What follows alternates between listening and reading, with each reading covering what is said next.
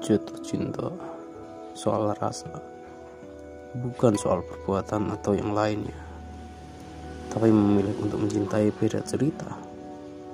Bagaimana cara mengidentifikasi jatuh cinta? Teringat akan dirinya sepanjang waktu dan rasa ingin selalu bertemu.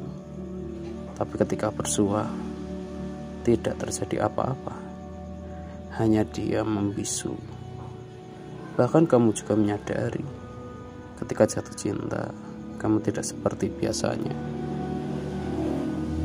Sedangkan mencintai butuh perbuatan dan butuh pembuktian di mana ada perhatian, kasih sayang dan saling mengerti. Semoga bisa mencerahkan. Tapi sebenarnya cinta bukanlah hal yang perlu didefinisikan.